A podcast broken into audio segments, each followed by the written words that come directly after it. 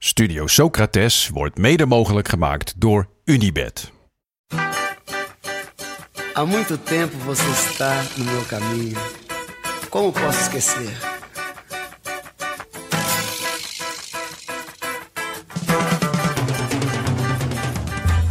Welkom bij Studio Socrates, de podcast waarin we de voetbalelftallen bespreken die je van voetbal lieten houden. We bespreken een seizoen uit de recente geschiedenis aan de hand van drie momenten. Deze keer PSV in het seizoen van 2004-2005. Menina, no seu jeito de olhar. O sucesso é você, menina. Menina, no seu modo de andar. Sócrates, Sócrates, tirou!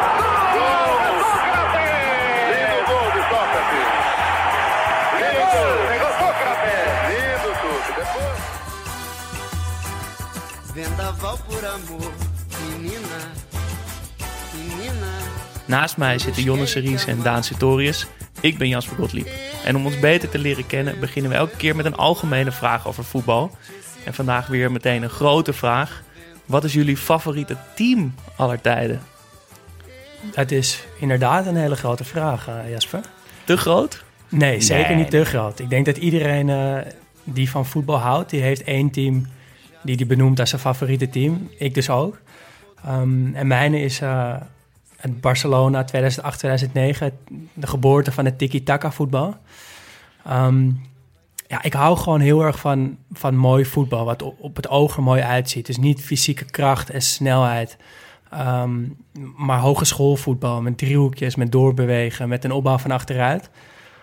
En ik denk dat het Barcelona van toen, dat er voor onze generatie nooit een elftal is geweest wat mooier en ook beter voetbalde. Want ze hebben alles gewonnen toen. even voor mijn tijdsbeeld en voor de luisteraar. Is dit eh onder Rijkaard? Nee, Of nee, is dit onder ook Guardiola? Dit is, dit is ook Guardiola. En het is, het Vond is nog eh, met Eto'o en, en niet met Slatan.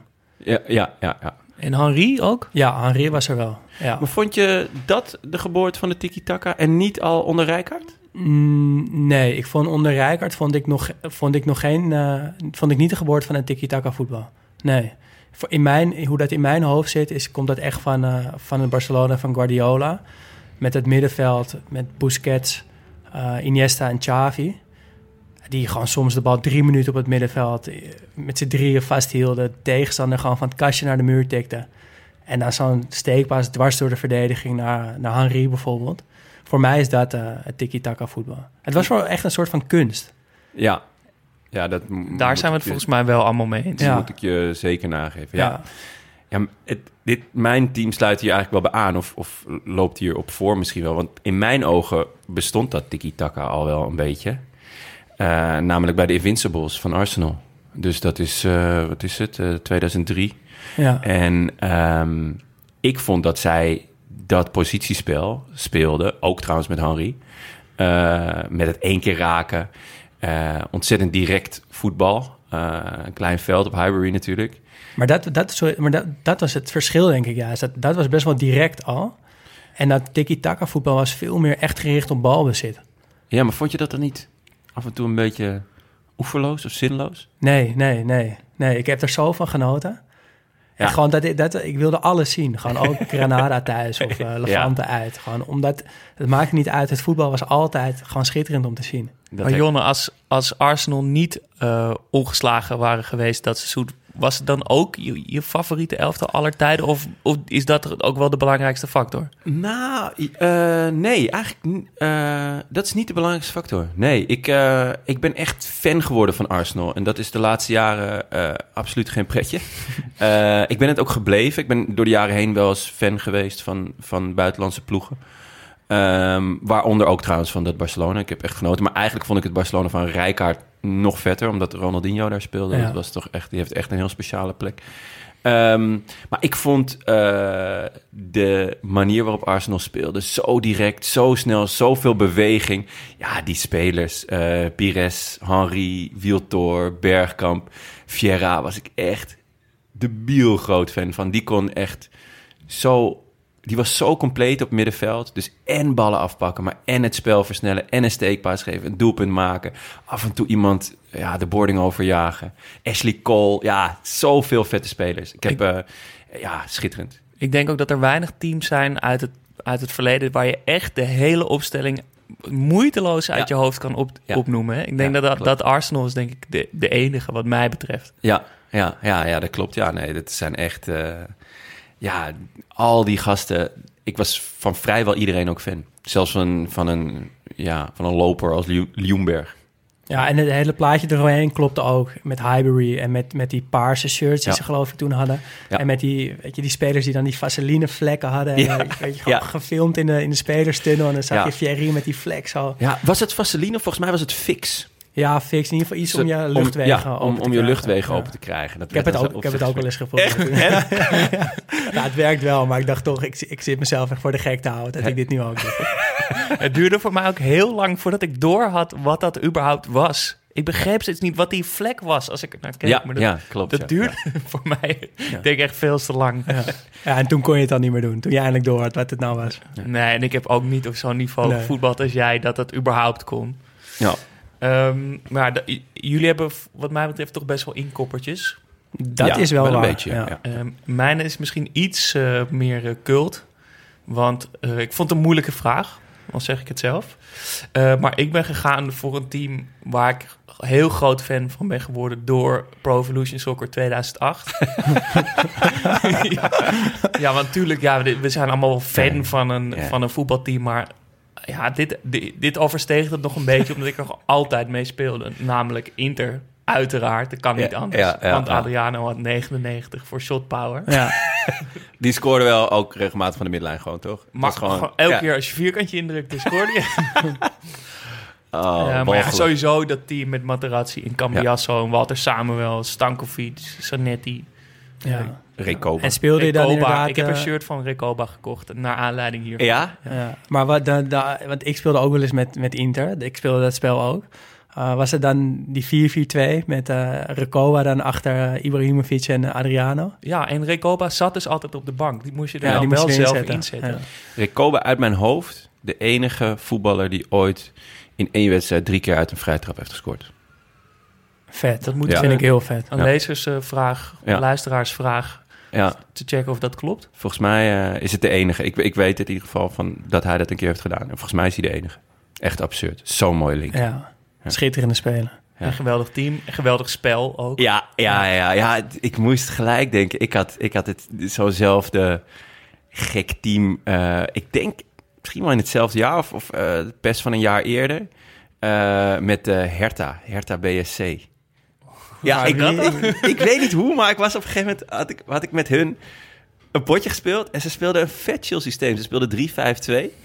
Hun, hun tijd ver vooruit. Ja, een tijd ver vooruit met eh, ja, Dick of Dirk van Burik. Dat was altijd een beetje de, de vraag bij, ehm, bij PES, of het nou de echte naam was of niet.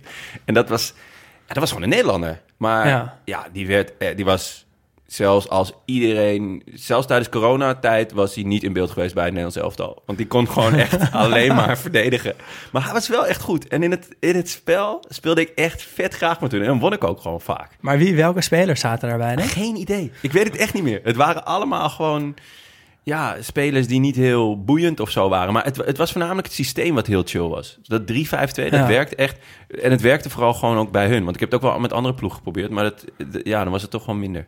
Ja. Misschien, zijn Nee, we, misschien moeten we het even uitleggen hoe, hoe, wat dit Pro Evolution Soccer was, toch? Voor de mensen die nu alleen maar FIFA spelen. ja, er Ja, was een tijd dat dat niet kon. Nee. Was FIFA toen, ja, toen was het echt nep. En speelde je Echt sowieso Pro Evolution Soccer Ja. van Konami. Ja. En die hadden de licentie niet. Ja. Dus Ja. je speelde met Merseyside Red of met... dat was aan eh, Liverpool. Ja. Ja, en mijn, mijn favoriete team uit die serie eh, was Pompey. Weten jullie wie, welke Is dat Portsmouth? Ja, dat was Portsmouth. die zijn volgens mij nu echt ver afgezakt in het Engelse voetbal. Ja.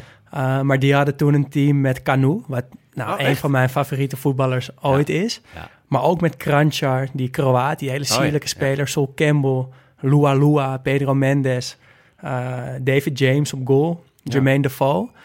Ja, en wat mij altijd bij die teams aantrok, wat me in het echte voetbal juist, juist helemaal niet aantrekt. Maar als je goed wil spelen met zo'n team, dan heb je gewoon spelers nodig die snel en sterk zijn. Ja, ja. Body balance. Ja, body balance en speed. Ja, dat, daar keek je gewoon naar. En Ja. dat Pompey, die had het allemaal. Ja. En bijvoorbeeld Barcelona, ja, daar speelde ik ook best wel veel mee. Ja. Maar dan haalde ik Xavi eruit. En dan zette ik eh Jaja Touré bijvoorbeeld op verdedigende Ah, ja, middenvelder of Gleb. Ja. In het echt veel minder goed, maar in zo'n spel heb je daar veel meer aan. Of Ja. Seydou Keita, weet Ja. ik ook nog wel. Ja. Ja. Ja, we dwalen nu echt af in een, in een hele andere... Ah, ik had, ik had één, één frustratie nog van Pro Evo. Want eh, ik speelde dan ook graag met Arsenal. Omdat Ja. ik dat gewoon een vet team vond. En daar was met, ja, met afstand de snelste speler Theo Walcott. Ja, En dat was echt lekker, want als je die kreeg de bal met hem, dan ging je gewoon rennen. Nou, dan kwam je hoge echt, steekpaas, dan kwam je, ja. ja, dan kwam je echt al een heel eind. Maar hij was, en dat was wel echt realistisch, extreem blessuregevoelig. En dat wist ook iedereen tegen wie ik speelde. Dan was het echt zo. Hey, Walcott heeft de bal. Hey, rondje. Ik schop hem naar midden. dat was echt zo. En wissel. Dus nee, dat was eh, ja, ook ja, een heerlijk spel. Wat Echt, mij ja. betreft is het nog steeds het beste voetbalspel aller tijden. Ik heb hem nog liggen. Maar ik ben, eh, ik ben er al lang eh, uitgestapt. Dus ja. ja, ik ook. ja, ik ook. Ook geen FIFA meer, helemaal niks meer. Ja. Maar ik- Nou, ik speel trouwens heel af en toe nog op de Super Nintendo. Die heb ik, heb ik eh, van allerlei moeite gedaan om die nog aan te kunnen sluiten op de huidige tv. ja. Eh, de voorloper hiervan, dus International Superstar Soccer Deluxe. En dat het ken ik dan weer niet. allervetste daaraan was dat je de, dat ik, had ik een code, dan kon je de scheidsrechter in een hond veranderen. en, en als hij een gele kaart gaf, dan at hij hem daarna op. Wat is dit nou? Dat was heel raar. Ik weet wel de code nog. Boven, boven, beneden, beneden, links, rechts, links, rechts, BA. Wow, applaus.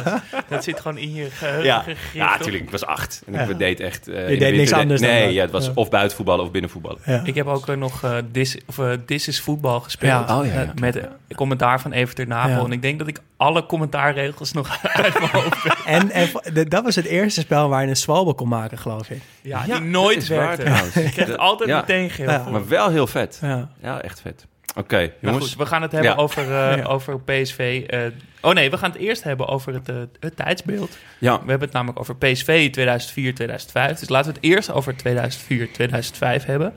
En Jonne, aangezien jij onze ancien van de groep bent. wat, was het, eh, wat was het voor een tijd?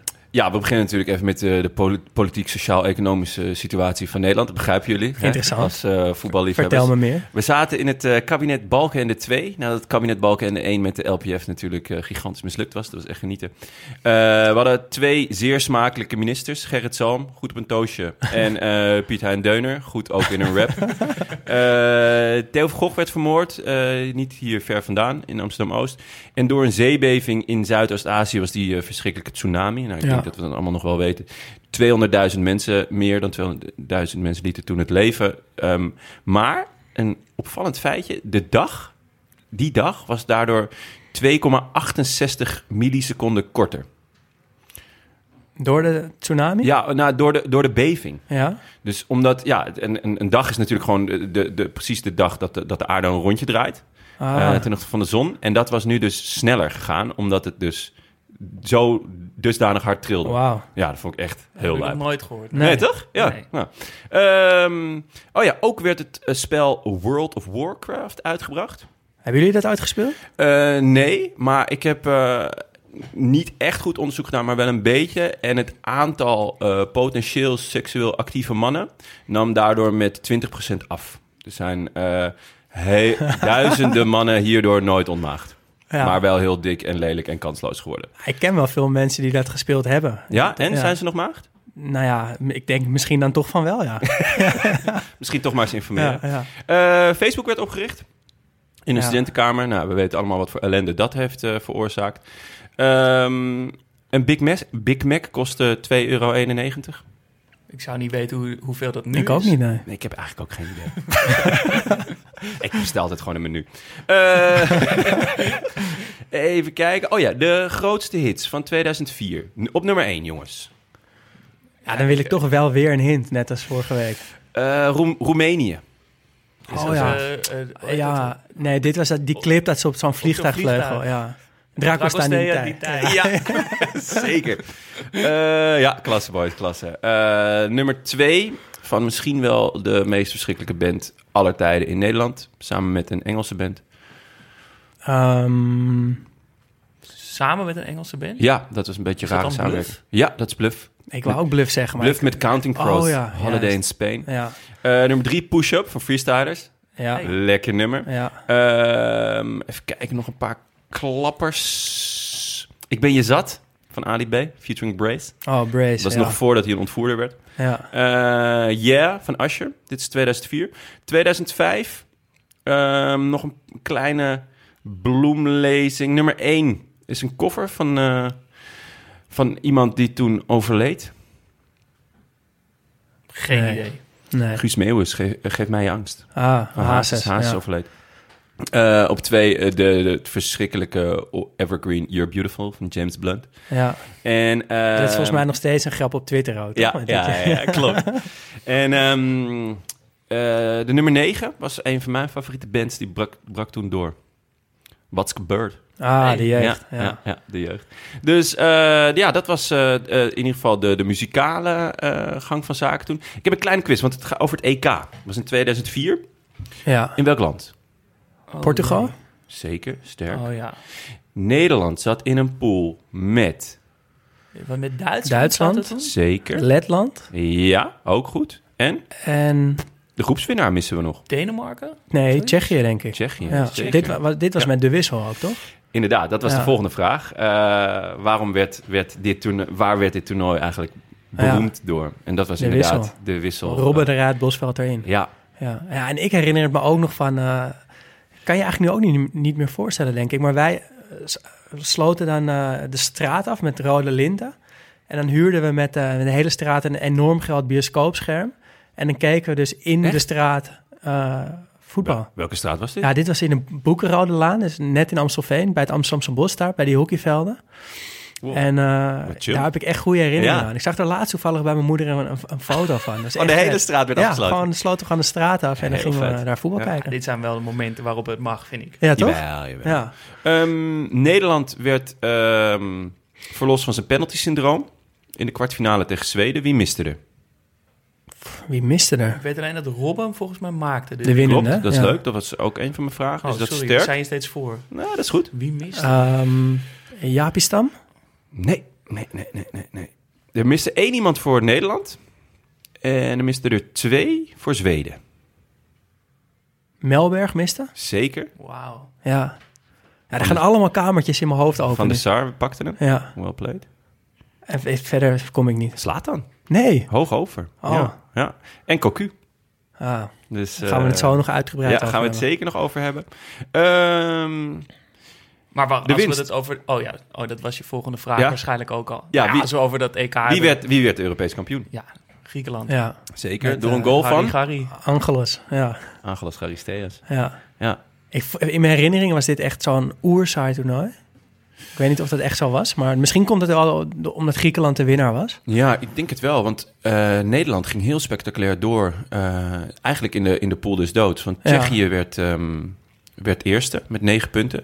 En eigenlijk was Nederland zo goed als uitgeschakeld eh, toen ze nog tegen Letland moesten. Eh, want eh, Duitsland moest, moest punten laten liggen. En die kwamen, kwamen vrij snel op 1-0 door een goal van Ballack. En eh, toen via, via Heinz en Milan Baros Ah, Barros. eh, pakte Tsjechië nog eh, de winst, waardoor Nederland eh, nog doorging. ja, en toen Zweden dus door en toen eruit tegen Portugal, als ik me niet Ja. vergis. Ja. Maniche. Ja. Oh, Oh, ja. pff, Dat verschrikkelijk. doet nog pijn. Ja. Dus eh, dat, was, eh, dat was 2004. Eh, twe- 2004, 2005 in een, eh, in een kleine vogelvlucht. Nou, dankjewel. We zijn weer helemaal terug. Ja. Eh, dan nu dus eh, naar PSV. En laten we het net zoals bij een echte wedstrijd eerst over de opstelling hebben. Dan weten we meteen met wie we te maken hebben. Dus eh, aan jou Ja. het woord, Daan. ja, in de goal Aurelio Gomez. Die had lange armen. Ja, de octopus noemden ze hem geloof ik. Zo. En wa- wat ik van hem herinner natuurlijk dat het echt een waanzinnig goede keeper was. Maar dat hij die armen ook gebruikte soms om, eh, om de bal uit te gooien. En dat Ja. hij dan over de middenlijn kwam. Ja, die had echt... Hij had gewoon een slingerworp die- biel goede ja. slingerworp. Ja, en, en eh, later ook in veel interviews aangaf hoe verliefd hij op PSV was. Ja. Dat was echt een, eh, een match made in heaven. Dan op, op rechtsback André Ooyer of Theo Lucius. En bij André Ooyer moest ik, dacht ik gelijk, ja, is dat nou een, een Ajaxiet of een PSV'er?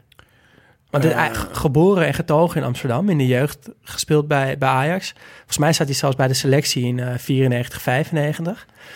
Ehm, ja, daarna zo lang bij PSV Ja, gespeeld. het is ook een PSV. Hij zit er nu toch ook? Ja, nu is hij er- assistent-trainer.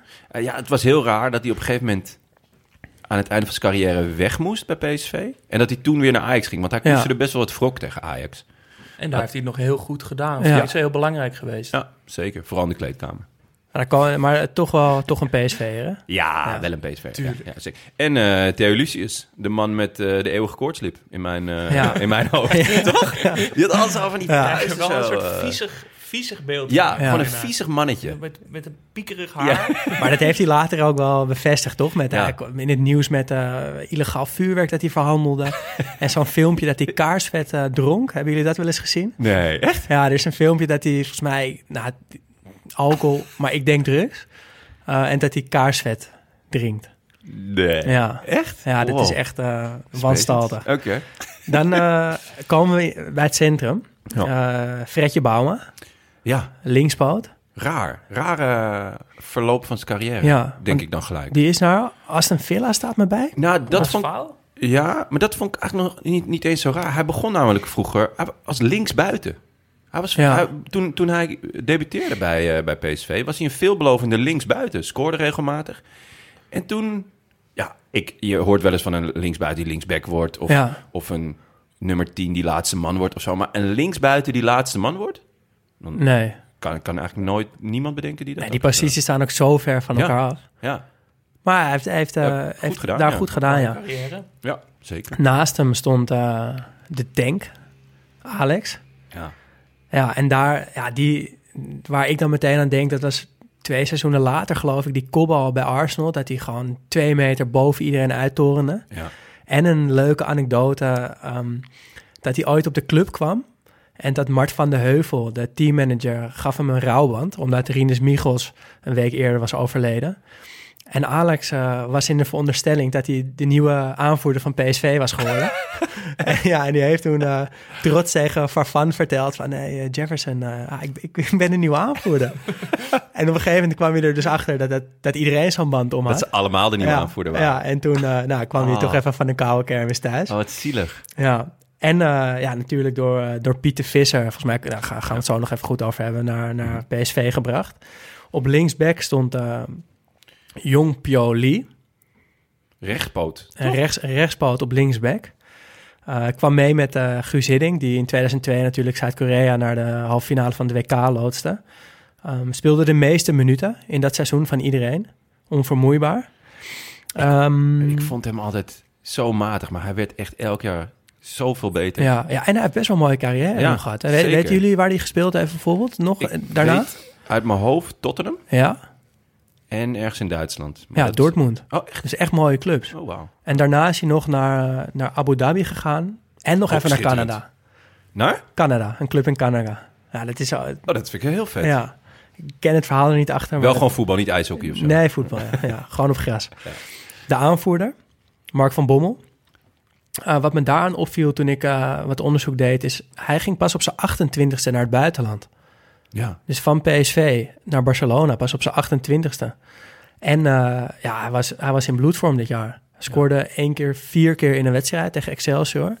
En ook drie keer in de arena. Ja. Toen PSV Ajax afdroogde daar. Naast hem op het middenveld, Johan Vogel. Ja, ik zie het. Ik Ja, zie, begin Ja. meteen te lachen. ja, gewoon voor mij. Jasper is in slaap gevallen inmiddels. de, aller- de, nog voordat je het eind van de naam Johan ja, Vogel uit. De saaiste voetballer aller tijden, toch? Ja.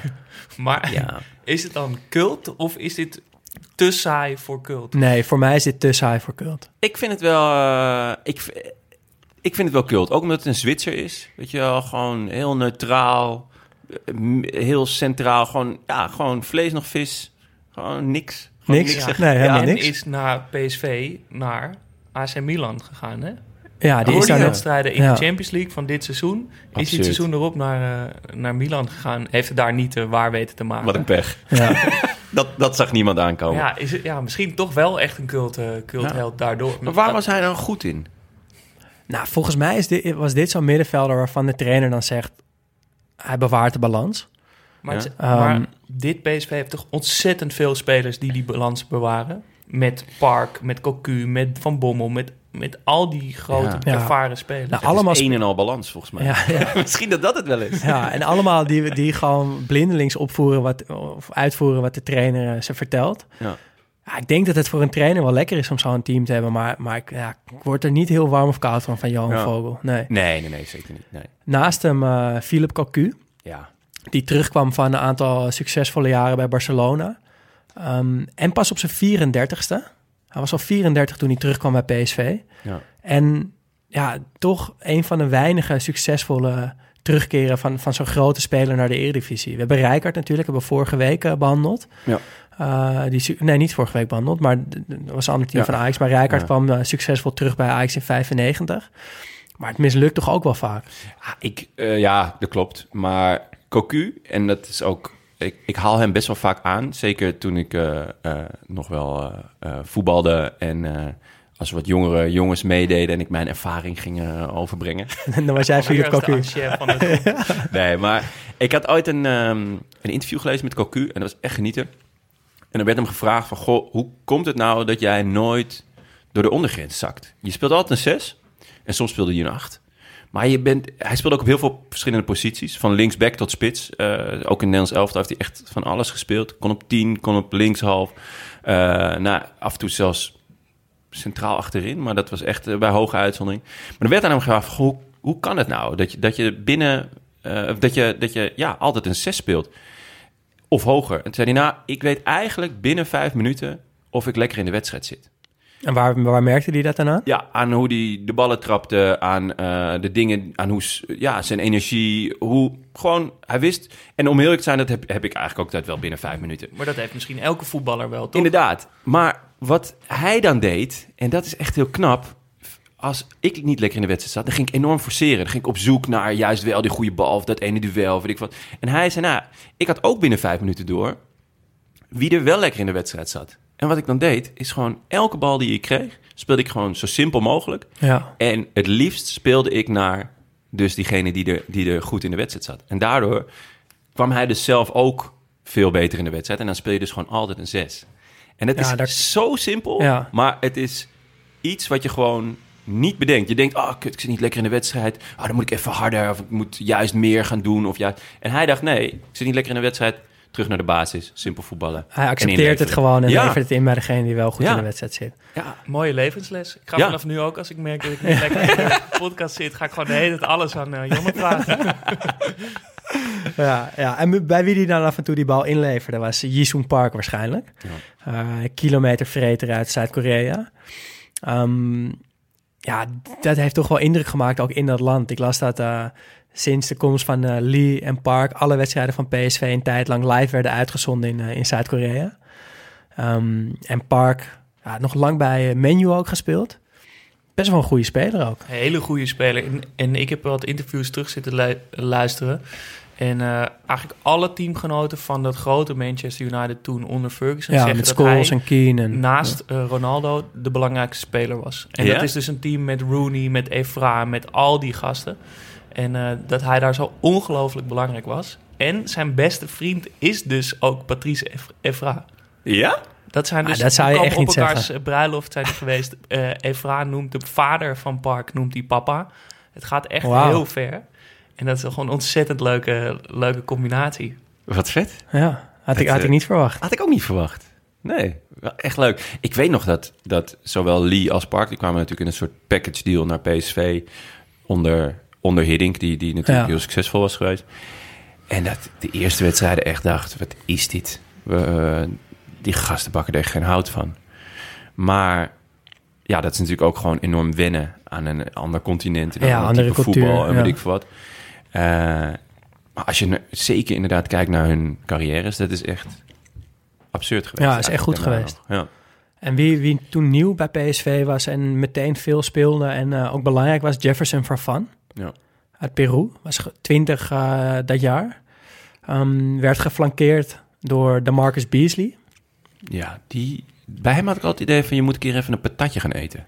Ja, dat hij zo Hij dun en iel was. Zo dun ja. en iel dat je... de- ja, Jitterbug noemden ze hem. jitterbug. Eh, in, eh, in Amerika. En wat ja. betekent dat? Ja, een soort friemelig klein insectje wat overal het idee dat tussendoor eh, stuitert. Maar het enige waar ik aan moet denken als ik aan Beasley denk... is aan een fragmentje waarop hij tijdens de warming-up van een wedstrijd met Amerika... zijn Ja. uit zijn broek houdt en op het veld piest. Terwijl en hij hij- soort aan het stretchen is. Ja, hij doet alsof je aan een en stretch hij is. kijkt een beetje eh, om zich heen, zo van, ziet iemand dit? Maar dan staat dus een camera. Nou ja, als je nu de Marcus Beasley volgens mij op YouTube Ja. intypt... krijg je meteen Niet. zijn piemel te zien. Ja, ja Wat vet. bizar, bizar Ja. fragment. Dat is wel echt bizar. En even dan- even ja? nog over Farfan. Ja. Daar had ik namelijk het tegenovergestelde gevoel bij, als bij Park en, en Lee. Van wow, wat een voetballer. Ja. Wat een aankoop. Die gaat echt een wereldcarrière tegemoet. Toch niet echt gebeurd. Nee. Ja, naar Duitsland gegaan? Schalke 04 geloof ik lang, ja. Ja, maar nooit meer Nee. echt dat je dacht van wow, ja, die heeft het gered. Of eh, ik weet niet voor hoeveel is hij weggegaan bij eh, PSV. Dat zou Wel ik ook aardig- niet uit mijn hoofd verkocht, weten. volgens mij. Maar nooit de absolute top gehaald. Ja, volgens mij nog in Rusland, toch? En misschien nog steeds wel actief, zoiets. Ja. Ja, dat zou kunnen. Moeten we Ja. opzoeken. Nou, en dan volgens hadden mij we... speelt hij nog steeds bij Lokomotief Moskou. Hij speelt Oh, nog steeds. Ja? Ja. Oh.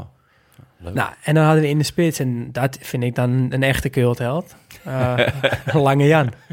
The Lange man Jan. with the weirdest name in voetbal heb Ja. ik ooit in Ja. Engeland, eh, in Ja. Engels commentaar gehoord. Jan Vennegoor of Hesseling. Ja. En toen ik echt jong was, Ja. keek je nog op teletext als je wilde weten hoeveel een wedstrijd was geworden en wie er gescoord had. Ja. En dan stond er Vennegoor of Hesselink. En dan dacht ik, ja, oké, leuk, maar wie heeft er nou gescoord? Vennegoor of Hesselink? Wie, heeft, wie is het nou? Ja. ja, wat was het verhaal van die achternaam? Volgens mij Weet ik wilde niet, ze gewoon geen niet. keus maken tussen zijn... eh, Ik zie van die hele smalle letters voor me die in zo'n Ja, hele ja, erg zo'n boog, helemaal over het shirt heen gaan. Ja. ja, maar hij was wel, was wel een hele nuttige speler. Daar komen we straks als we het seizoen eh, wat, wat eh, eh, nauwgezetter bespreken wel op. Ehm, hebben we ook nog wat wisselspelers die wel leuk zijn om even te noemen, die weinig speelden. Eh, Robert werd in de, in de winterstop gekocht met hoge verwachtingen, maar speelde heel weinig. En volgens mij kon hij er ook eh, niet zo heel veel van. Uh, maar iedereen houdt van hem, omdat hij die, die winnende goal maakte, winnende penalty maakte tegen Lyon. In, was een Braziliaan, toch? Ja, was een Braziliaan, ja. Ja. Is, is verkocht door, door PSV aan Betis en heeft daarna een carrière gemaakt, dat, dat wil je niet weten.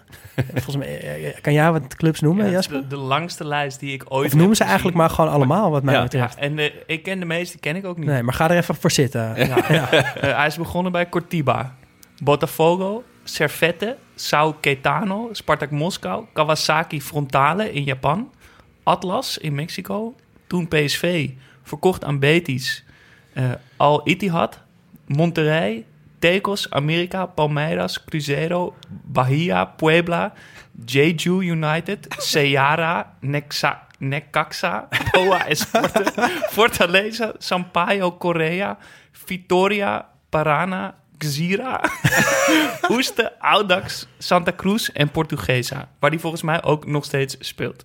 Nog steeds? Nee, volgens mij, volgens mij ik dacht dat hij clubloos was. Oh, nee, ik, Ja. zie, ik zie in ieder geval een open, een Ja. open eindje op zijn lijst eh, staan. En die, die laatste 25 clubs waren allemaal Brazilië, toch? Ja, de, ja, de meeste wel. En Ja. dus ook steeds maar een half jaar. Dus hij speelt in één, Ja. eh, in één jaar al bij twee eh Ja, maar, maar hij is dus ook in Japan geweest en in eh, Ja. eh, Rusland en in Mexico. Nou, En heel heeft hij ooit ergens veel gescoord? Nee, Nee, hè? Nee. Nou, de meeste goals bij Atlas, eh, dus in, eh, in eh, Mexico. En daardoor, daarom heeft PSV Toen is. PSV erin getrapt. Ja. Ja. Ja. Nou, en dan, dan had je nog eh Gerard Sibon, van wie ik ook altijd wel, wel fan ben geweest. zeker. Heerlijke Geraldinho. Ja. werd hij genoemd. Hij scoorde vaak met een stift in mijn Ja, herinnering. ja, ja. ja. En ook bekend van het legendarische interview met Ibrahim Afellay een paar jaar later, toen ze kampioen werden. Um, Afellay zat trouwens ook uh, in deze selectie van PSV, kwam net door. Maar dan zie je een uh, stomdronken Sibon een interview geven met Afellay aan zijn zijde. En dat is wel een heel, heel schattig beeld. Ja, ik heb ook nog een, uh, een interviewherinnering aan Sibon. Hij werd een keer ingebeld bij een voorloper van Voetbal Insight, geloof ik. Ja. En toen zaten volgens mij Ronald en of Frank, de boer, zaten er. En die, dat waren, was van oudsher was dat een kaartclubje. Maar inbellen was toen heel erg nieuw. En het was ook zelfs met beeld. En Frank en Ronald zijn dan niet de meest uh, welbespraakte mannen, denk ik. Ja, die kunnen gewoon geen zin normaal uitspreken. Nee, en Geraldinho, ja, die ging eh, naadloos mee het niveau. En ze waren vooral echt verbaasd dat ze elkaar konden zien. Dus op een gegeven moment heb ik gewoon, ik denk een minuut of vijf, zitten kijken naar deze drie mannen die zeggen... Hey Gerald, ik zie jou hoor. Hey Frank. Hey Ronald, zie je Gerald? Zie je eh, Gerald kan ons, ja, Hey, ik zie hem. Ik zie hem. Nou, echt fenomenaal interview. Ik, denk niet dat het nog ergens te vinden is. Dit soort pareltjes eh, verdwijnt helaas. Helaas. En, en wie ik ook nog even wil noemen is eh, John de Jong. Speelde toch ook al een aantal wedstrijden een belangrijke rol. Nu de technisch directeur van PSV, dat gaat hem... nou ja, ik wou zeggen iets minder af. Maar als je nu kijkt, heeft hij toch ook alweer wat goede spelers naar PSV gehaald. Ja. Het is altijd Misschien een beetje de te vraag vroeg, wiens eh, verantwoordelijkheid ja. dat is. Maar hij heeft vorig jaar natuurlijk wel echt gefaald. Dat is waar. Maar te vroeg om hem eh, Ja. af te schrijven als technisch directeur. En dan had je natuurlijk nog de trainer Guus Hiddink, hebben we al een paar keer genoemd. Met aan zijn, aan zijn zijde René Eikelkamp en Fred Rutte. Fredge. Ja, Fred Rutte. Ja. en eh, voorzitter, volgens mij was het het laatste jaar van Harry van Rij. Rest in peace. Ja, ja. Ja. Die, eh, de tandem van Rai en Hiddink Ja, was wel een, die eh, dat was wel een heel goeie. Ehm, ik vond namelijk, en ik snap niet heel goed waarom PSV daar op een gegeven moment toch een beetje van eh, is afgestapt.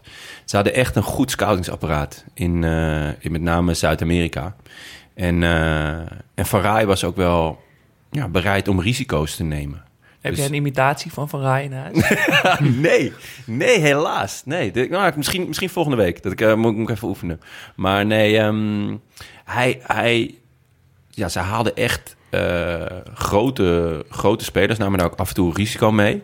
Ehm, en- maar ze verkochten ook echt flink door. Ja. PSV had echt een goede naam wat dat betreft.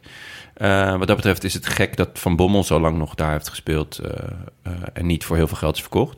Maar ehm, dat was, ik vond dat heel typerend voor PSV. Dat zij, ja, ze hadden gewoon, ze waren ja, toch een koopclub op een bepaalde manier. Maar ze deden het heel Ja. slim, want ze hadden niet eh, per se heel veel meer geld dan, dan Ajax of Feyenoord. Kan je dan ook zeggen dat, dat dit elftal dan ook een echt een typisch PSV-elftal was? Ja, voor mij is dit echt Ja. de blauwdruk van een PSV-elftal. Ja.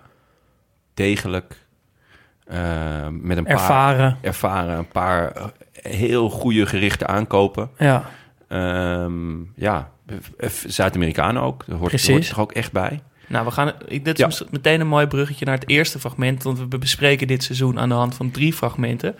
En ehm, dit seizoen ja, was PSV ongenaakbaar in de eredivisie. We werden kampioen met 10 punten voor op Ajax. Eh, verloren maar één keer dat hele seizoen tegen Roda. En reikte dus tot de halve finales in de Champions League. Tot de laatste minuten waren het nog kanshebbers voor de finale. Eh, dus dat brengt ons meteen naar het eerste fragment. Wat eh, was de basis voor dit succes? Wat was het eerste moment eh, dat dat opeens begon? nou nu terugkijkend denk ik dat dat het moment is dat PSV Philip Cocu terughaalde van Barcelona. Ehm, op het moment zelf denk ik niet dat PSV het op die manier ervaarde, want hij was, hij was toch al 34. Ehm, Ja. Er zijn, ja, wat ik net ook al zei, er zijn heel veel voorbeelden van spelers die terugkomen. Ik noem Jaap Stam of Edgar Davids bij Ajax, wat niet per se een heel groot succes was. Ehm, maar als Robben je, bij Groningen. ja, bijvoorbeeld. Is die teruggekomen? Heeft hij op het veld gestaan? Ja. Is Arjen Rob geblesseerd.nl? Die site bestaat nog steeds. heb ik, hè, ja. dat is echt awesome. Ehm, Maar dat was, dat was wel een moment. eh, ja, maar ik denk, ik denk dat er nog wat eh sceptisch was. Omdat ik volgens mij, maar dat weet ik natuurlijk niet zeker... maar Barcelona zat natuurlijk ook al enorm in de lift toen... dat hij niet meer alles speelde bij Barça. En dat hij ook wel weg mocht. Ja, maar dat is toch ook wel heel Ja. logisch, 34 jaar. Alleen meestal wordt zo'n... Weet je, als je zo oud bent, dan word je echt voor de kleedkamer gehaald, zoals ze dat noemen. Ja. Eh, maar Cocu is gewoon sinds toen hij terugkwam drie keer op rij kampioen geworden. En heeft nou, in, in zijn eerste seizoen zo goed gespeeld. En het was ook wel opmerkelijk, want ehm, PSV had ook te maken met een leegloop eigenlijk. Robben ging weg, Cashman ging weg, Rommedaal ging weg. Ehm, en daarvoor kwamen een paar toen nog onbekende Brazilianen en Cocu terug.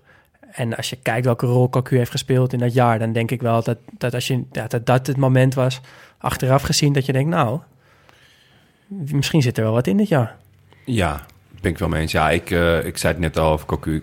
Echt, echt een heel fijne speler. Ook als trainer om in je, om in je selectie en in je Ja. elftal te hebben. Ook een heel fijne positie, omdat je hem dus multifunctioneel kan inzetten. Maar het liefst heb je hem natuurlijk gewoon eh, centraal op middenveld. Ja, Eh, waar die ja, de lijnen uitzet of links op middenveld. Het, het, het maakt eigenlijk niet zo heel veel uit waar je hem, waar je hem zet op middenveld. Hij, ja, hij bepaalde toch altijd wel het tempo van de wedstrijd. ja. ja, en je kon op hem bouwen. En hij speelde altijd naar degene die het best in de wedstrijd zat. Ja. Ja, Ja, Ja, en, dus- en, en met hem kwamen dus ook eh, Alex, Gomez en Farfan. Eh, Alex en Gomez in ieder geval uit de koker van Pieter Visser, de meesterscout uit Eindhoven. Die volgens mij nog steeds eh, doet waar hij het best in is, in Zuid-Amerika. kleine Terwijl- jongetjes bekijken. ja, en die naar Nederland halen. Ja. Ja, en, en hij, zei, vertelde Nou, ook... niet, eh, niet meer naar Nederland, toch? Hij, nou, via toch- Chelsea. Ja, Tenminste, dat, zo ging het toen. voornamelijk bij Chelsea nu. Want, want Alex is, werd eigenlijk ook gekocht door Chelsea, maar bij PSV gestald. En Pieter Visser zei van ja, toen, toen, eh, toen hij aankwam en die eerste paar maanden speelde hij eigenlijk helemaal niet zo goed. Was hij log, was hij, oogde hij een beetje traag. Kreeg hij heel veel kritiek. Ehm, maar dat, ja, binnen een paar maanden was die kritiek verstomd. En nou, groeide hij uit tot misschien wel de belangrijkste speler eh, van het team. In ieder geval de belangrijkste Ja. speler van de achterhoede. Denk ik, ja, dat sowieso. Scoorde Hij ook was- veel. Scoorde ook veel, ja. Belangrijke goals in de Champions League. goed. Ja, en, en nou, Gomez hetzelfde verhaal. En Farfan had, had, ja, stond, er- stond er meteen, maar speelde niet alles. Wisselde een beetje af met Beasley. Uh, maar dat waren wel aankopen recht in de roos. Ja, nou, en ook wel echt passend bij, eh, bij PSV. Ja. Ik bedoel, eh, het zijn maar twee voorbeelden, maar daardoor heeft PSV natuurlijk gewoon een enorm grote naam in Brazilië. Ja. Romario en Ronaldo. Die, eh, zeker Romario was natuurlijk een rare vogel. Maar die voelde zich op een bepaalde manier wel Ja, voelde zich allemaal thuis. goed. Bij, nee, inderdaad, ja, thuis bij, bij PSV. Toch hè, een warme, gezellige club. De hertgang De in de hertgang. bossen. Lekker gemoedelijk. En ehm, ja, maar dat is toch ook zo? Ja, nee, zeker. Dus, maar de, de- ik denk dat PSV daar momenteel wel eh, een, een, eh, een zijn- slag verloren heeft. Want Ze zijn een andere weg ingeslagen. Ja. Ja, momenteel zit Ajax beter Ja. in, in, in Brazilië dan PSV. En dat is voor hun echt zonde, want ze hadden daar... eh, nou ja, een goed netwerk, dat is, maar dat, dat kan je gewoon optuigen. Maar ook een goede naam. Dat is echt essentieel als je die jongens wil halen. Want ja, die uiteindelijk kunnen, ze- kunnen echt goede spelers naar meerdere clubs. Maar als je dan kan zeggen, ja, kijk, eh, Romario, Ronaldo, hè, die zijn bij ons groot geworden. Oh ja, ja, nee, prima. Dan, dan kies ik daarvoor. Maar jij doelt nu op dat Neres eh, en nu ook Anthony naar Ajax zijn gegaan. Dat dat... Nou, en vooral dat PSV eigenlijk al jaren niet meer eh, actief is eh, in, in Brazilië. Althans, Niet echt in ieder geval. niet echt. Ik kan me niet eh, snel een speler voor, voor ogen halen waarvan ik denk, oh ja, die hebben ze daar eh, vandaan. Ehm, en ja, qua, die naam hadden ze in heel Zuid-Amerika, dus niet alleen Brazilië. En dat is, dat is echt zonde eh, dat ze, dat, ze- voor hun dat ze dat niet meer hebben. Toch? Absoluut. Ja. Ja. Nou, eh, dat is dan het eerste moment. Ja. Het, het halen van, het terughalen van Cocu, maar misschien dus ook wel het, het halen van de, Ja, gewoon de goede, Gomez, de goede spelers. Eh, dus automatisch naar moment twee. Het moment dat dat veelbelovende begin samenkomt en die puzzelstukjes op hun plek beginnen te vallen. Wat is dat moment dat het duidelijk begon te worden dat dit een speciaal seizoen ging worden? Nou, kijk, ze, ze speelden in de Champions League in de groepsfase onder andere tegen Arsenal. Eh, Arsenal had toen, nou was het in de eerste wedstrijd zaten ze nog in die Invincible reeks. Ja, ik zal even wat namen opnoemen voor Jonne. Graag. Eh Leeman op goal. ja, dat vond, eh, ik, was, vond ik altijd toch wel een beetje een, ja, een kluns of zo. Maar Maar beter dan Simon misschien ja, wel. dat sowieso. Eh, wel minder knap. Ashley Cole, Sol Campbell, Eboué, Vieira, Pires, Ljungberg, Fabregas, Flamini, Edu, Gilberto Silva, Reyes, Bergkamp, Van Persie, zijn eerste seizoen, Henri en op de bank Quincy Owusu-Abeyi. Ah ja, ja, ja. Ah, vet. niet vergeten. Ja, opdat wij niet vergeten Ja. zullen. Ja, maar dan mooi. zijn we meteen ook weer een beetje terug in dat Arsenal. Ja, Ja. Oh, wat een ploeg, hè. Ja, en, en, en ook nog over hebben. We willen niet te veel nostalgie in deze Nee, podcast, maar het is toch wel lekker om af en toe een beetje in te gaan hangen. Zeker. Ja, en tegen dat team speelde PSV dus. En uit verloren ze met 1-0. Wat natuurlijk, als je weet je, dat, dat team hoort wat je net opnoemt, totaal geen schande is. Ze boden heel goed partij. Dus dat was al, al een indicatie van, nou, PSV kan mee met de, met de beste van Europa. En thuis eh, werd het ook 1-1 door een vroege goal van, eh, van André Ooyer. Uh, daarmee werd ook de overwintering meteen in, in die pool uh, veilig ges- gesteld. Ze zaten verder in de pool met Rosenborg en met Panathinaikos. Ja, als je dat zo ziet, dan denk je van, nou, dat is ook best te doen eigenlijk, die pool, toch? Of, Ja. of Gunstige loting. Nou, je, Ja. nee, je vergis je er niet in. Maar Rosenborg is nu natuurlijk helemaal niks meer. Ja. Maar dat was toen wel anders. Die hadden toen eh 14 Europese thuiswedstrijden op rij niet verloren... totdat PSV bezoek kwam. Nou, ja, een beetje à la Celtic. Ja, en die, en die wonnen daar toen wel. Ik weet ook altijd nog dat het veld daar een beetje zo'n witte gloed had van, van, van het sneeuw en het ijs. En het ja, is altijd een stervenskoud natuurlijk. Ehm, en wat ook nog wel leuk is om te weten, ze, ze bereikten de Champions League via de voorrondes. Eh, via Rode Ster Belgrado. Daar stond iemand in de spits. Wa- wa- Wat ik toch even aan jullie wil vragen. Weten jullie wie er toen bij Rode Ster Belgrado in de spits stond? Zo.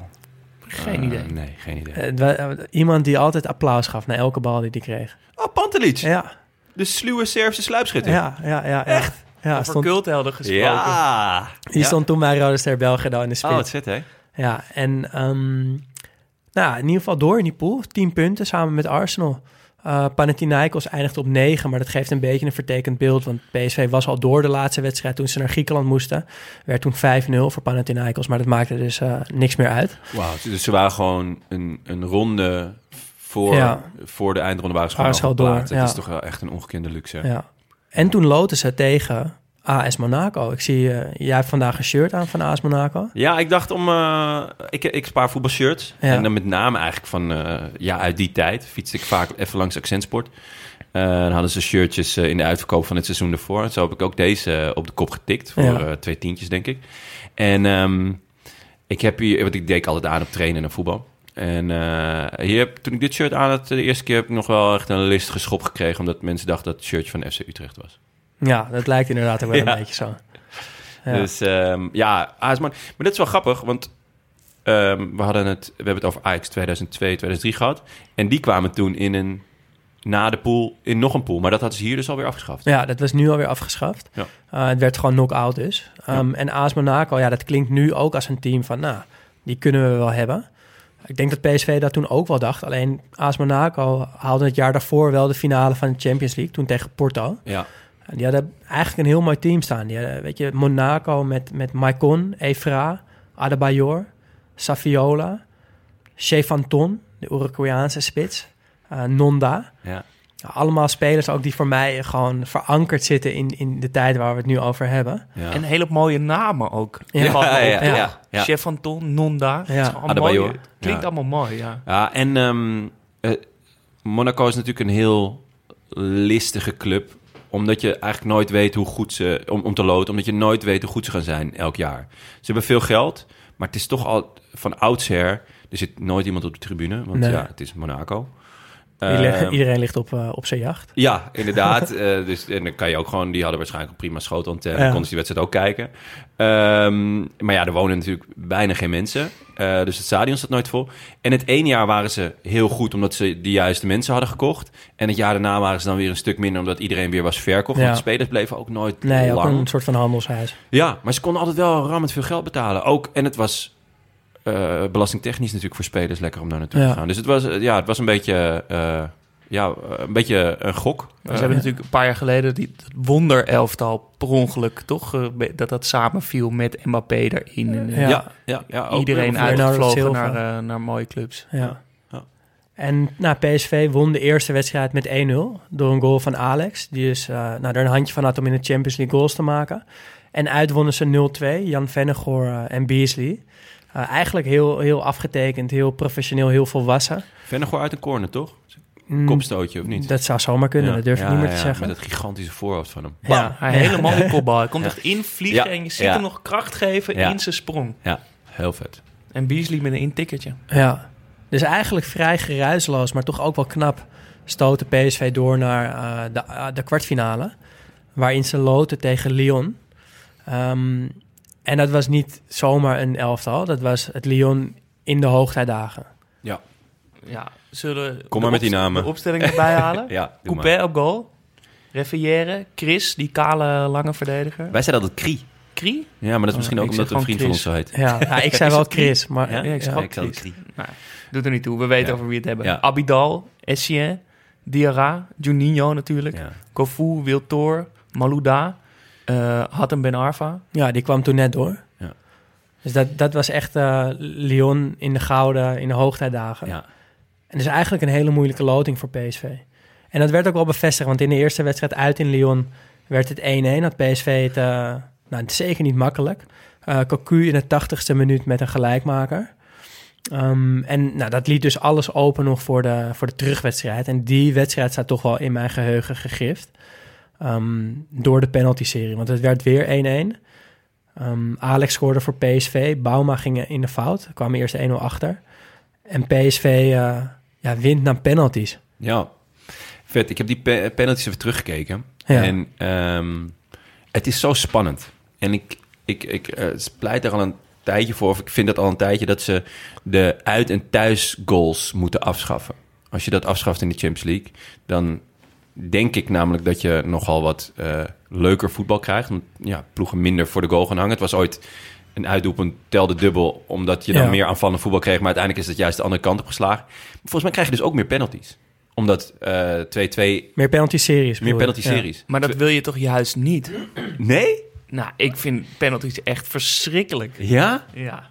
Oh, ik Waarom, vind het, Ik vind het echt ultiem spannend. Ja, je kan erop trainen, toch? Tuurlijk. je kan er maar zeker aan de andere kant, trainen. i- wat er ook wordt gezegd, is dat het een loterij is. Ja, ik, ja, ik vind het verschrikkelijk. Om het te moeten zien, ik kan het echt niet aan. Ja, het zou ook wel maar aan mijn hart liggen. Maar ik kan. Een gevoelige jongen ja, ben je. ja, toch wel. nee, ja, ik, Ja? ik heb dat liever niet. Heb jij dat ook? Ik vind Nee. Ik vind het wel leuk dat Nee, het maar- zo'n raar moment is. Dat je soort iedereen op opeens zo, oh ja, kijk, we gaan penalties. eh, Oké, eh, Ja. wie gaat er eerst? Wie gaat er eerst? Ja. Maar, maar dat, ja, verschrikkelijk. We zouden Ja, maar ik vind- ik vind ook vanaf wel- de middenlijn naar, de, naar dat strafschopgebied. Nee, maar als, je, als er na, na twee spanning. keer 90 minuten en dan een verlenging, als er dan geen beslissing is, dan vind ik penalties echt een, echt een mooie manier om, de, om het lot te beslechten. Ik ook. En ja, ik ben dus wel echt van mening dat penalties kan je heel goed trainen. Zeker. En dan, en dan heb ik het dus niet over een hoek uitkiezen en daar hard in schieten. Want ik denk dat als een keeper dan op tijd duikt, dat hij hem altijd kan hebben. Nee. Ja, dat denk ik dus wel. Want de keeper kan eerder duiken dan dat je schiet. En als je dan alleen gefocust bent op de bal en de hoek waar je in gaat schieten, dan kan het zomaar zo zijn dat je de keeper niet hebt zien duiken en dat hij al in die hoek ligt. Ik denk dat als je penalties gaat trainen, moet je het doen zoals Lewandowski het doet. En dat is dus alleen naar de keeper kijken, wachten tot de keeper een keus maakt en dan heel simpel de andere hoek inschieten. En dat is echt trainbaar. Ik heb zelf lang de penalties genomen Ik en ook. nooit gemist op die manier. Gewoon geen één keer. En keeper, gaat gewoon, gaat, eh, keeper durft niet te blijven staan. En als hij dat wel doet, dan kan hij inderdaad nooit je bal houden als je hem in de hoek schiet. Want dan is hij gewoon te laat. Ik ben voor eh, de verlenging met twee ballen spelen. nee, nee. Wie had het Laat laatste? even stil. dat is ook wel vet. Ja, ik ben het hier niet mee eens. Nee? Jij bent wel voor een... eh, Ja, ik heb jarenlang ook de penalties genomen. Ja. En jaren altijd getraind. Altijd dezelfde. Gewoon linksboven. Ja. Altijd En vol wel- in de en kruising. wel- welke voet ben jij? Rechts. je schiet Eh, altijd links. Ja, linksboven. Nou, ik, ik, ik- het maakt eigenlijk niet uit, zolang hij maar gewoon in de, in de kruising is. En ik, ik vind dus wel dat je, je, kan, je kan de beweging trainen. Je kan, je, kan zelfs met, je kan zelfs de druk opvoeren door er geld op, op te zetten. Of dat je push-ups moet doen of, of sprintjes of weet ik veel wat. En mijn favoriete penalty ooit is die van Zidane. Eh, is dat die onderkant lat. Nou, niet eens onderkant lat. Gewoon echt... eh, hij, volgens mij ging hij niet onderkant lat. Het was Oh, de, Je bedoelt niet die in de WK-finale die stift tegen nee, Buffon. nee, nee, de Oh, halve, ja, die dacht ik. nee, nee, nee, de halve finale. Tegen Spanje bedoel je ja, volgens mij. Ehm, Maar dat is misschien nog wel een leukere vraag voor de Portugal, volgende. volgens mij. Maar Ja. wil ik vanaf zijn, maar die gaat gewoon achter de bal staan. Hij weet voor zijn aanloop wat hij gaat doen.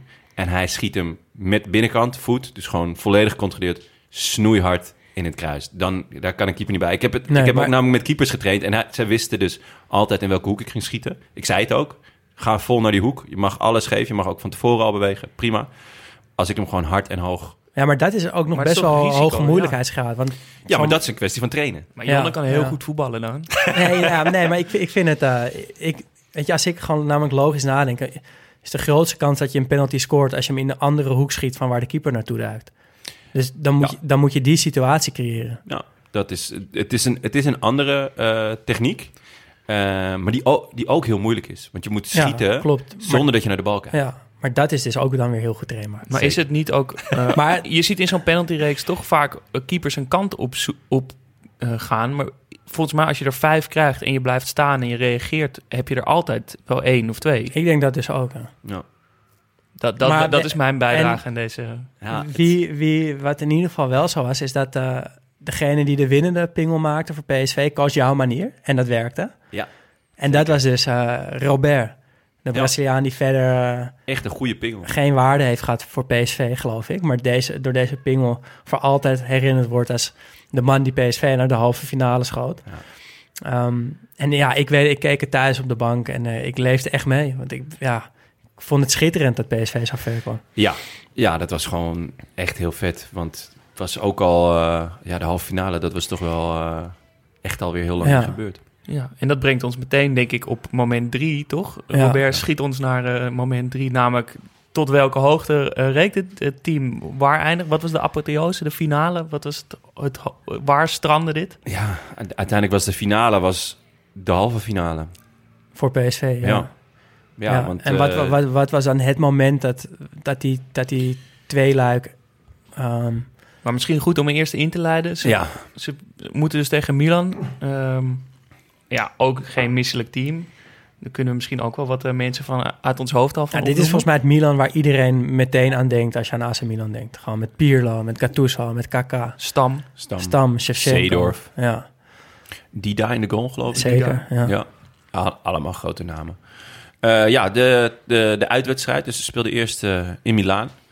Eh, dat werd 2-0. Oh, ik zat eh, de samenvatting terug te kijken. Die volgens mij met een ja, mobiele telefoon gewoon nog met een klepje is gefilmd. Want het waren echt vijf pixels. Eh, maar echt opmerkelijk dat je van zo lang geleden is het nou ook weer niet, dat daar gewoon geen goede beelden van, van bestaan bij. Ja, heel raar. Maar de andere samenvattingen, dus die, die ik van de NOS vond, die waren alweer een stuk beter. Dus, dus ja. het, is, het is denk ik echt gewoon door een of andere Italiaan eh, met, een, met een mobiel gefilmd of zo. Maar ehm, ik had het idee dat, dat eh, uit, uit die samenvatting kwam dat, dat eh, AC sterker begon. En die komen ook op 1-0 voor. Maar dat daarna PSV echt flink aan het drukken was. Ja, En echt op zijn Italiaans. die 2-0. Die 2-0 Ja. in de blessuretijd valt hij. Ja, En met ja, van richting veranderde voorzet die, Ja. voor, die voor de voeten van Thomasson valt. Ja. Deed me zo erg denken aan, aan hoe Ajax die twee goals tegenkreeg Ja. van eh 2000. Was het Thomasson waar die, waar die ja, viel? Thomasson scoorde, ja. Jezus, ja. Echt zo'n typische Ja. Italiaanse AC Milan goal. Ja, en dan 2-0. Ja, dan denk je eigenlijk wel, oké, dat, is, dat is gedaan. Over en sluiten. Maar ja, dan de week daarna, thuis in Eindhoven. Ja, Dat Ja. werd toch een ander verhaal? ja. kolkend Philipsstadion. Wat je ook niet heel vaak ziet, maar dit was Nee. echt een kolkend Philipsstadion. En ja, gedragen door een vroege 1-0 van Jisung Park. Na, na een, ja, toch wel een echt bedoelde 1-2 met, eh, met Jan Vennegoff Hesseling. weer. Ja, ja, Toch bijzonder dat hij dan, weet je, Nesta en Stam het zo moeilijk kan maken. ja. En mooie shirts ook, moet, ge- Ja, vind ik trouwens. maar dat die, heeft die uitshirts, vaak, vind ik, hele mooie die shirts. grijze, Ja. zwarte shirts. Dus vroeg op 1-0. Nike toen nog. Zeker. Ik vond ook die bal waar ze mee speelden echt vet. Ja, Welke was, dat? Ja, een, eh, met, met die ro- rondjes erop. Ja, de, gewoon die, een beetje die, die Ja, ja. 90... na- eh, Nog ja, niet met die er- sterren. Nee, nog niet met die sterren. Ah. Nee, nee, nee. nee. Wat, ehm, volgens mij mochten ploegen zelf kiezen, want PSV werd gesponsord door Nike. Ja. Dus die mocht dan met Nike nog. Ah ja. Ehm, en, eh, want toen ze bij Monaco speelden, speelden ze met Puma. Ah ja. Dus eh, ja, dan mocht je blijkbaar nog zelf kiezen. Belangrijke informatie, vind ik. Ja, Welke bal er gespeeld werd, Ja. toch? Ja, Ja. dat hoort hier heel erg bij. ja. Nee, ja, ik, ik kreeg echt gelijk zo'n gevoel van, oh ja, die bal die had ik vroeger. Ja. Die was echt best wel duur. was, ja, was een hele lekkere bal. En een echte foklekkere bal, ja, zeker. Eh, dus 1-0 door Park. Ja. Daarna 2-0 Ja, door, door, eh, door Philip Cocu, een kopbal. Uh, na een voorzet van Lee, die dit keer een keer buiten omging en dus op, op zijn linker uitkwam. Ja. Uh, maar met zijn verkeerde been een uitstekende voorzet gaf. Cocu kopt hem binnen. Je zou kunnen zeggen dat die daar misschien wel moet hebben. Glip door zijn handen, wordt wel goed naar de grond Mm, maar was wel, Ja, was wel dichtbij ook. Ja. Was, ja, en Misschien dat de grond. 9 van de 10 keepers hem niet eens er nog aan zaten. Ja. ja. Ja. Ja, en dan staat het vrij lang 2-0. En is het eigenlijk wachten tot, eh, tot de verlenging begint. Maar dan, eh, ja, dan gebeurt het. En in mijn herinnering, ja, gewoon één zin. Mark van Bommel laat zijn man lopen. En ik was benieuwd of dat, of dat zo in mijn hoofd zat, of dat dat nou Ja. echt zo was. Nou, het, het was wel echt zo. Ja, het zit natuurlijk in ons hoofd omdat eh, Van Basten ook later eh, bondscoach werd. Eh, of misschien al was zelfs. Ik denk dat hij het al Die was. was het al. Ja, die was het al. Die heeft natuurlijk die wedstrijd zitten kijken. En hij ging al niet zo lekker met Van Bommel.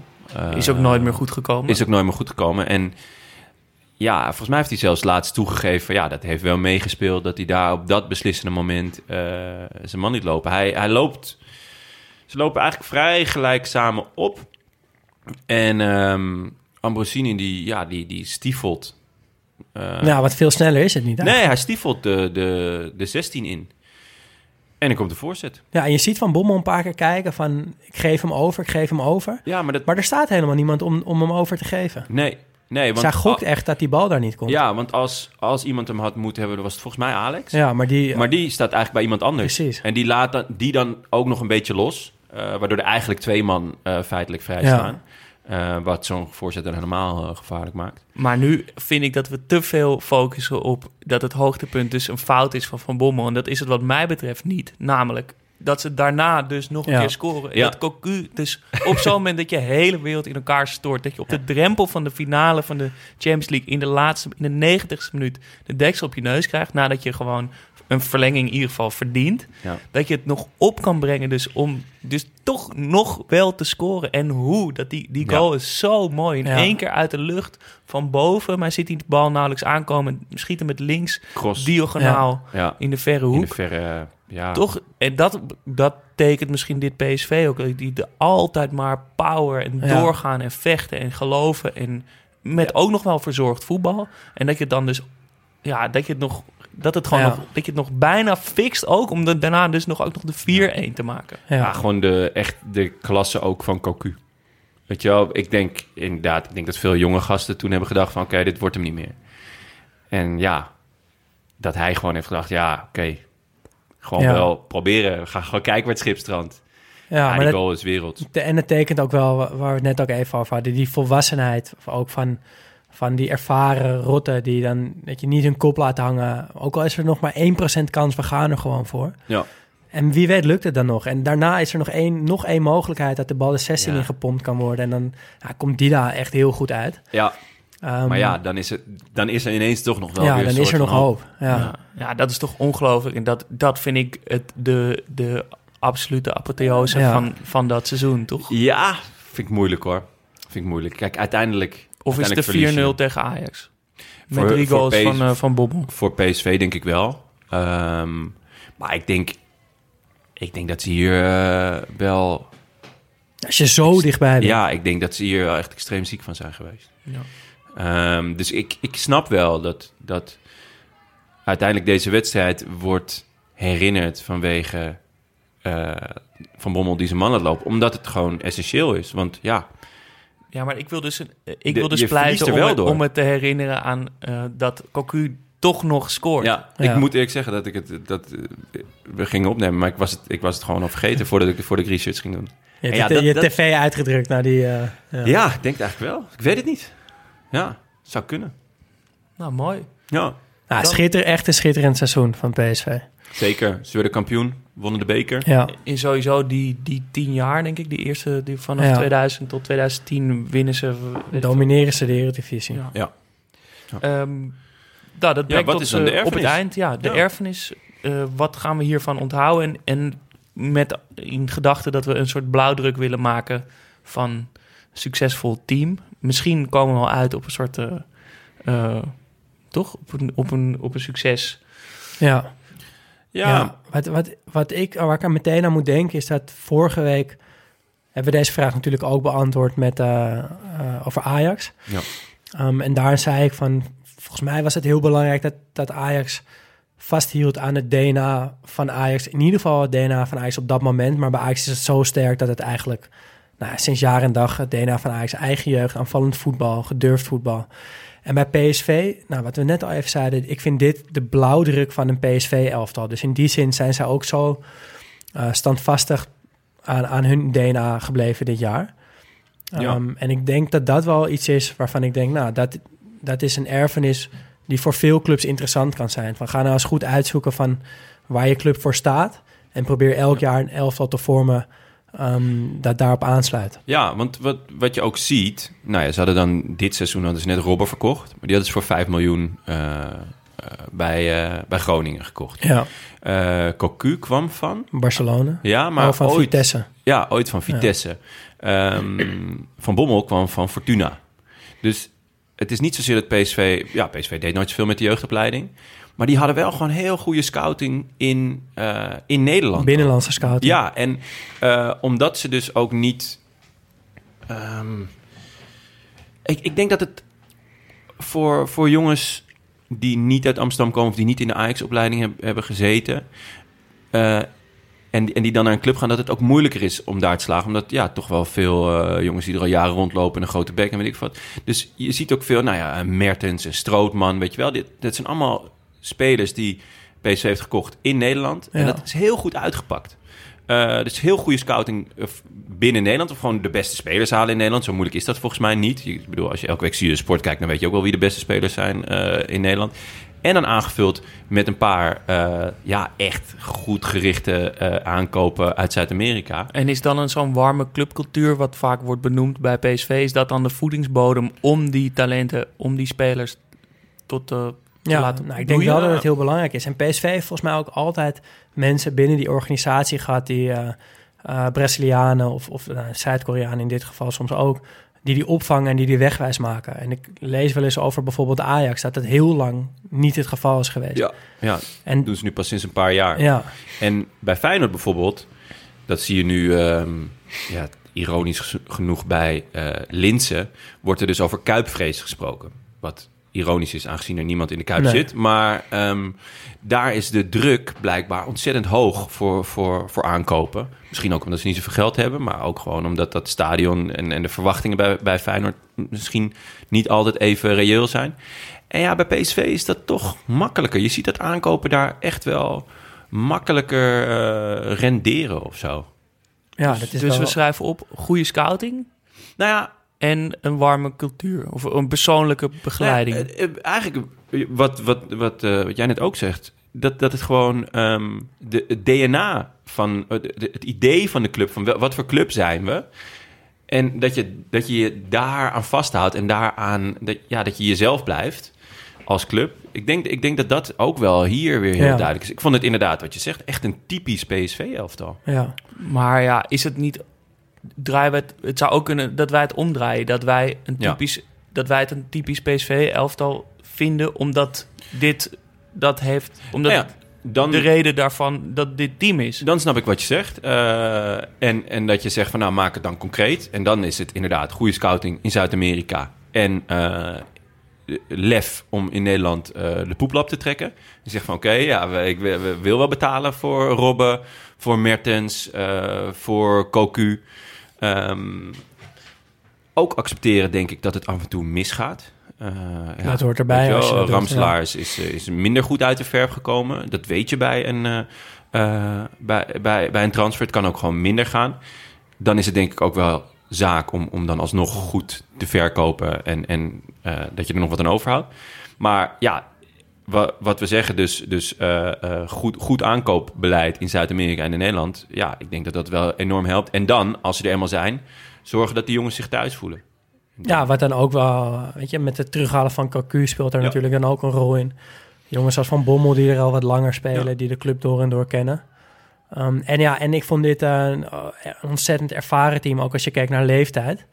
Eh Farfan en Alex waren geloof ik de jongste spelers die, die regelmatig hun opwachting maakten. En die waren, nou Farfan was echt jong, een jaar of twintig. Maar Alex en eh, Park bijvoorbeeld 4, 4, 25 al. Eh, dus PS, dit was een team met ook heel veel ervaring. En dat is ook essentieel in een goed elftal.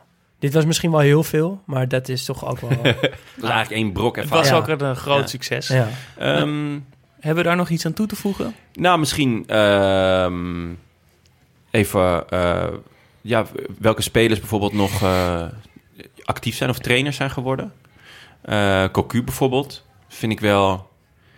Ik had nooit bij hem het gevoel wat ik bij hem had als speler. Van dat hij, dat hij de controle had. Dat hij wist... Totaal niet, nee. Nee, ik, altijd als trainer... Beetje een zacht ei, vond ik het. Ja, en, en, en, en, en bijna een beetje paniek in zijn ogen. Van wow, ik moet weer een wedstrijd gaan leiden. Terwijl in het veld had je dat totaal niet. Dan dacht je, oh ja, Cocu heeft de bal. Nou, die gaat er wat goeds mee doen. Ja. En nu, ja, hij is nu recent ontslagen, geloof ik. Derby County, ja. Ja.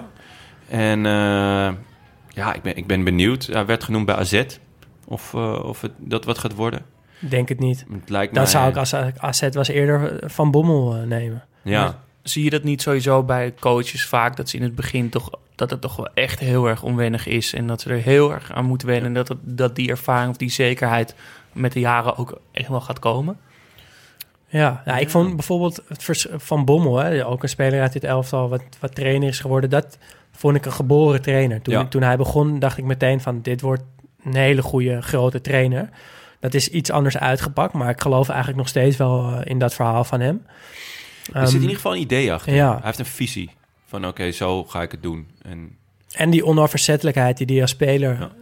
Had, heeft hij als trainer ook. Dat straalde hij wel uit. Jan Vennegoor Hesselink. Ja, ik denk dat die gewoon... Heeft hij een keus kunnen maken?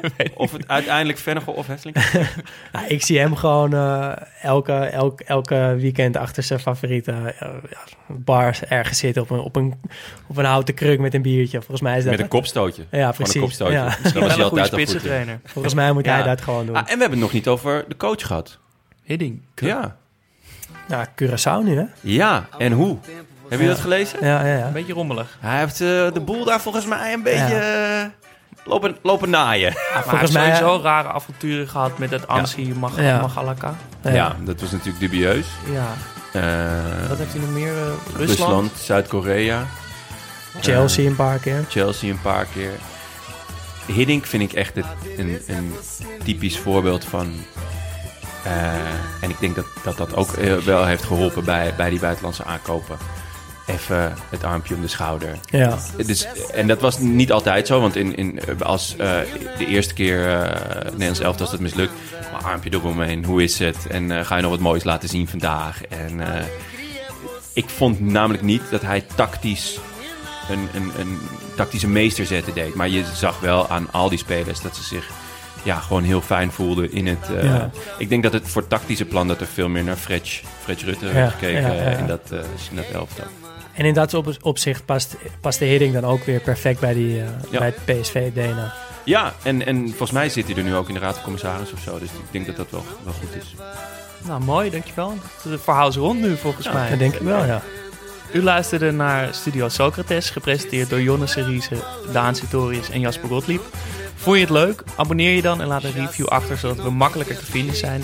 En heb je nog een vraag of een verbetering, slide in onze DM op Instagram. Dan luisteren we daarna. Já sei que não vai ter jeito pra poder te conquistar. Se você olhar pra mim, menina, vou te ganhar. Ei, vento, vento, vento no mar. Te segura no balanço pro vento não te levar. Ei, vento, vento, vento no mar. Te segura no balanço pro vento não te levar. Como posso te esquecer? Não tem jeito.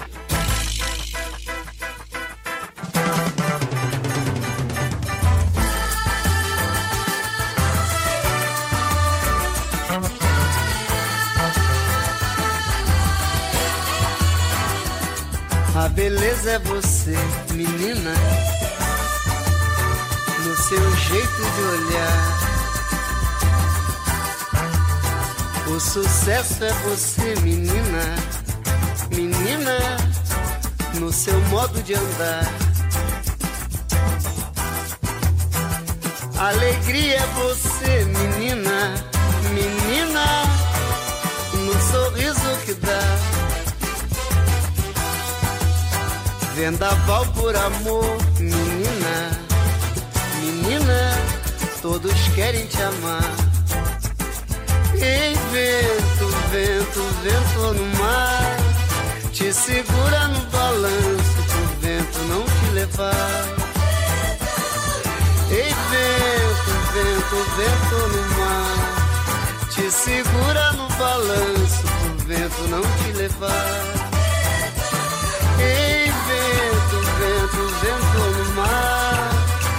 Segura no balanço pro vento não te levar. Ei, vento, vento, vento no mar. Te segura.